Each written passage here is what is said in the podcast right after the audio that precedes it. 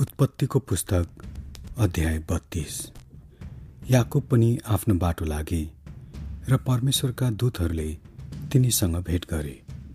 याकुबले उनीहरूलाई देखेर भने यो त परमेश्वरको छाउनी हो। यसकारण तिनले त्यस ठाउँको नाम महनोम राखे। याकुबले एदोमका देशको शैरमा आफ्ना दाजु एसाब कहाँ आफ्नो अघि दूतहरू पठाए। याकुबले तिनीहरूलाई यसो भन्ने आज्ञा दिए। तिमीहरूले मेरा मालिक एसाबलाई यसो भन्नु।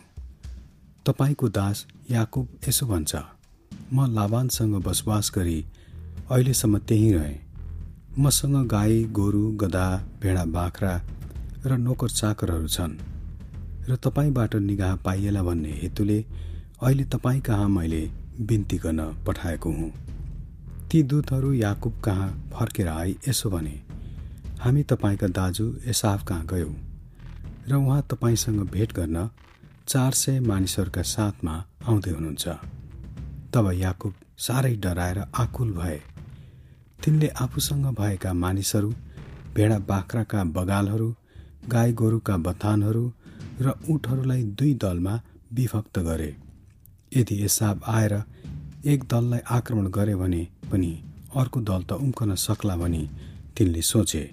तब याकुबले प्रार्थना गरे हे मेरो पिता अब्राहमका परमेश्वर र मेरो बुबा इसाकका परमेश्वर हे परमप्रभु जसले मलाई त तेरै देशमा तेरा कुटुम्बहरूका जा र म तेरो भलाइ गर्नेछु भन्नुभएको थियो। तपाईँले आफ्नो दासलाई जति करुणा र विश्वास योग्यता देखाउनु भएको छ त्यसको म कति पनि योग्य छैन। किनभने एउटा लाटो मात्र लिएर मैले यसो नर्दन नदी तरेको थिएँ। तर अहिले मेरा दुईवटा दल भएका छन्। म बिन्ती गर्दछु। मलाई मेरा दाजु सापको हातबाट बचाउनुहोस्। किनकि उनीसँग मलाई डर लाग्छ कि उनले आमा छोराछोरीहरू समेत हामी जम्मैलाई आक्रमण गर्लान्। तर तपाईँले भन्नुभएको छ साँच्ची नै म तेरो भलाइ गर्नेछु। र तेरा सन्तानहरू समुद्रका बालुवा सरह तुल्याउनेछु। जो गन्न सकिने छैन। तिनी त्यस रात त्यहीँ बास बसे र आफूसँग भएको सम्पत्तिबाट तिनले दाजु हिसाबको निम्ति सौगात छुट्याए। अर्थात् दुई सय बाख्रे बिसवटा बोका दुई सय भेडी बिसवटा भेडा तिस दुना ऊँट र तिनका बच्चा चालिस गाई र दस साढे बिस गधैनी र दस गधा यी सबैका लागि तिनले बथान गरी। आफ्ना कमारीहरूलाई जिम्मा लगाए र तिनीहरूलाई भने मभन्दा अघि अघि आओ र बथान बथानका बिचमा केही खाली ठाउँ राख। तिनले सबैभन्दा अघिल्लालाई यसो भने मेरा दाजु हिसाबले तँलाई भेटेर त कसको मानिस होस् त कहाँ जाने होस् तेरो अघि अघि गएका यी बथानहरू कसका हुन्? भनेर सोध्नुभयो भने तैँले यसो भन्नु ती त तपाईँका यी दास याकुबका हुन्। यी जम्मै मेरा प्रभु यसाबको निम्ति सौगातको रूपमा पठाएका हुन्। हेर्नुहोस् तिनी चाहिँ हाम्रा पछि पछि आउँदैछन्। तिनले दोस्रो तेस्रो र बथानका पछि पछि लाग्ने जम्मैलाई आज्ञा दिए। एसाबलाई भेट्दा तिमीहरूले उही किसिमले भन्नु विशेष गरी तिमीहरूले यसो भन्नु। हेर्नुहोस् तपाईँका दास याकुब हाम्रा पछि पछि आउँदैछन् किनभने तिनले यसो विचार गरे मेरो अघि अघि गएको सौगातले म उनको रिस साम्य गर्न सक्छु होला। त्यसपछि म उनको सामु पर्दा सायद उनले मलाई ग्रहण गर्नेछन्। यसै कारण ती सौगात तिनीभन्दा अगाडि गए र तिनी आफै चाहिँ त्यस रात आफ्नै पालमा बसी बिताए।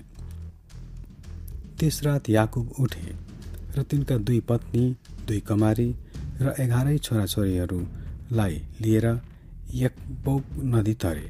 तिनले तिनीहरूलाई खोलाको पारी पठाएपछि त्यसै गरी तिनले आफूसित भएका सबै कुरा पनि पठाए।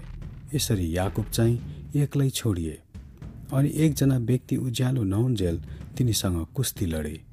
यी व्यक्तिले याकुबलाई जित्न नसकेका देखेर याकुबका कम्मरको खोक्रो भाग छोए र उनीसित कुस्ती लड्दा लड्दै याकुबको कम्मरको गेडी फुस्क्यो। तब ती व्यक्तिले भने उज्यालो हुन लाग्यो मलाई जान देऊ। तब याकुबले भने मलाई आशीर्वाद नदेउन्जेल म तँलाई जान दिन्न। उनले तिनलाई भने तिम्रो नाम के हो? तिनले भने याकुब।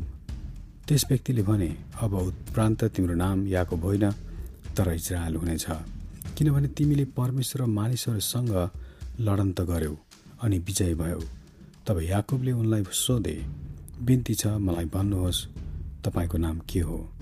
तर उनले उत्तर दिए मेरो नाउँ तिमी किन सोध्छौ? अनि उनले तिनलाई आशीर्वाद दिए। यसकारण याकुबले त्यस ठाउँको नाउँ पनियल राखे। किनकि परमेश्वरको सम्मुखै परे तापनि मेरो ज्यान बाँच्यो भने तिनले भने तिनको कम्मरले गर्दा तिनी खोच्याइ खोच्याइ हिँडेर पनियल नागिसक्दा सूर्योदय भयो। तिनका कम्मरको नसो छोइएको हुँदा आजसम्म इजरायलीहरू कम्मरको नसो खाँदैनन्। Amen.